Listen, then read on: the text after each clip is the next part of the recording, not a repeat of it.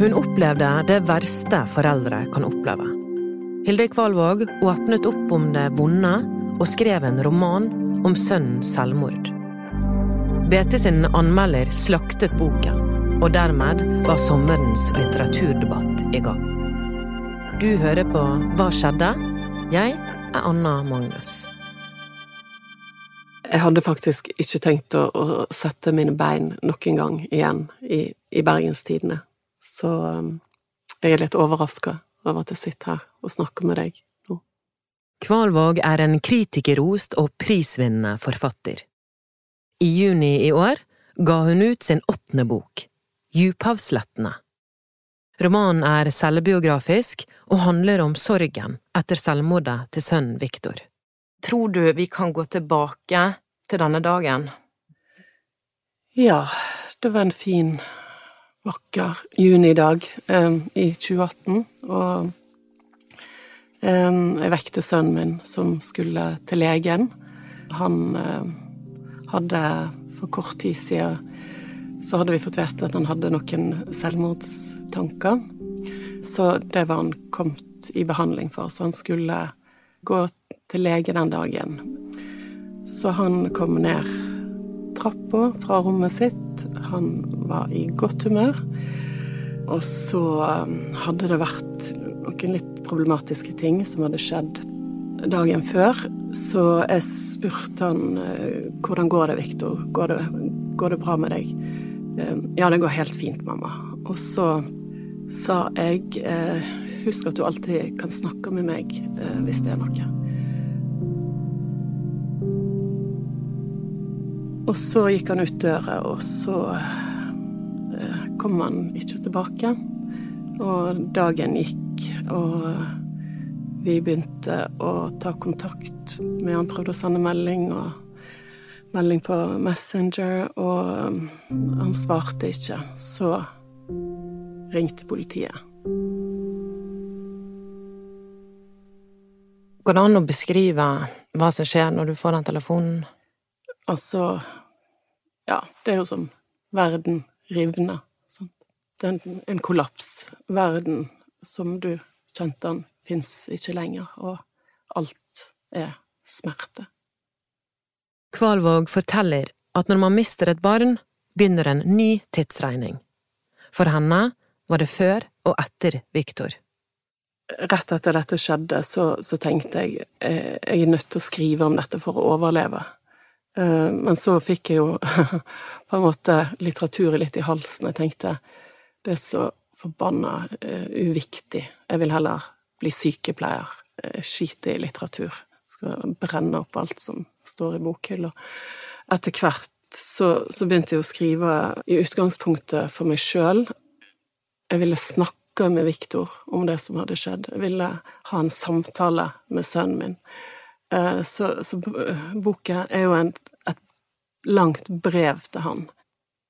Den ekstreme eh, erfaringen av at ingenting er som før. Språket er ikke som før, og, og tankene er, er, helt annerledes. Sånn at uh, jeg har prøvd å finne et språk for den erfaringen, da. Kvalvåg fikk god respons. Både forlaget og andre mente at dette kunne bli en viktig tekst. Og litt etter litt fant hun tilbake til den delen av seg selv som hun hadde mistet da sønnen døde. Ønsket om å skrive og skape litteratur.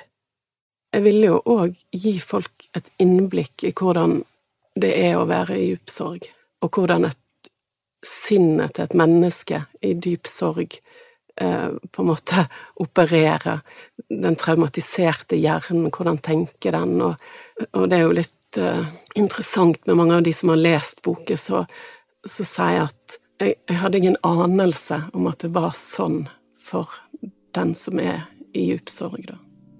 I ett og et halvt år arbeidet hun med boken på et mørkt, lite kontor på Møhlenpris, omgitt av bøker om sorg. Når boken var ferdig, så var jo det Det var jo litt trist, sant, fordi at jeg hadde vært i den uh, samtalen med, med, sønnen min. Men jeg tenker at jeg, at jeg, kommer til å fortsette å skrive om han, så det det går på en måte fint. Um, og å skulle gi boka ut Jeg var egentlig ikke så redd, fordi at jeg um, har hatt så veldig mange kompetente lesere som, som hadde gitt meg veldig, veldig bra tilbakemelding på manus. Romanen fikk gode anmeldelser, men ikke i beta. Der fikk den to av seks mulige hjerter. Den ble omtalt som selvsentrert, og anmelderen lurte på om den hele tatt burde vært utgitt. Som jeg har sagt tidligere, mitt språk i romanen speiler innholdet, og du kan, du kan se på språket som at, at det går i bølger, sant, altså eller som rier. Det, det liksom bygger seg opp, og det kan komme voldsomme følelsesutbrudd. Men så er jo eh, språket rolig og, og, og rytmisk i, i, lange parti òg. Så det er bevisste formvalg, og jeg tenker kritikeren er fri til å, å, å, å si akkurat hva han vil, men jeg er jo selvfølgelig veldig, veldig uenig. Kvalvågs forlagsredaktør Tiril Broch Åkre var kritisk til både kritikeren og hans kritikk. Kulturredaktøren i BT, Frode Bjerkestrand, svarte med en kommentar i avisen der han forsvarte anmeldelsen. Dette utløste en debatt. Folk som hadde lest boken, skrev leserinnlegg og reagerte sterkt. Jeg spør Kvalvåg om hun tror boken ville blitt veldig annerledes om hun hadde ventet fem år med å skrive den. For det var også et spørsmål som dukket opp i debatten. Hvis du mister barnet ditt, det er den største sorgen du kan oppleve som menneske. Sånn at sorgen er på en måte hoved, hovedpersonen i romanen. Og jeg tror hvis jeg hadde skrevet om, om fem år, så hadde ikke sorgen vært så stor, men jeg ville nettopp vise hvordan det er når sorgen dekker alt. Kvalvåg er romanforfatter, og tydelig på at det var ingen annen enn den selvbiografiske sjangeren som var aktuell for henne. Fordi at jeg ville at min sønn sitt navn skulle bli nevnt og ikke glemt. Jeg ville skrive om han, men i litterær form, og òg skape noe vakkert, um, ja, som jeg kunne på en måte gi tilbake, da, til verden og til lillebroren når han blir stor. Føler du at det kan ha noen verdi at boken blir diskutert på den måten som det gjør nå? Um, ja.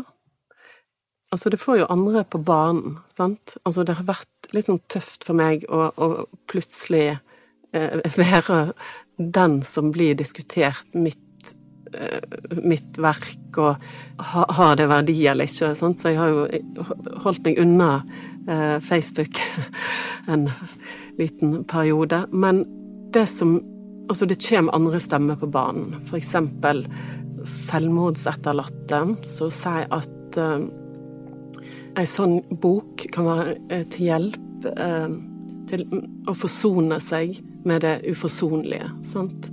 At veldig mange uttrykker at det er noe trøstende i den romanen, da. Og så, er det ikke for alle, sant. Alle kommer ikke til å elsker den boka, men hun kan være viktig for, for en del. Altså, du kan si at jeg har blitt tvunget inn i en enorm refleksjonsprosess med å være i denne sorgen. Sant? For det, det, forandrer deg så radikalt som menneske at du blir en annen for alltid.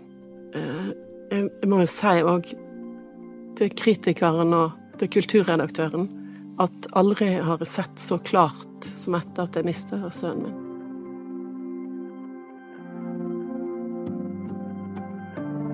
Denne episoden av Hva skjedde? er laget av Anna Offstad, Henrik Svanevik og meg, Anna Magnus. Vi tar en liten sommerferie, og så høres vi igjen i august.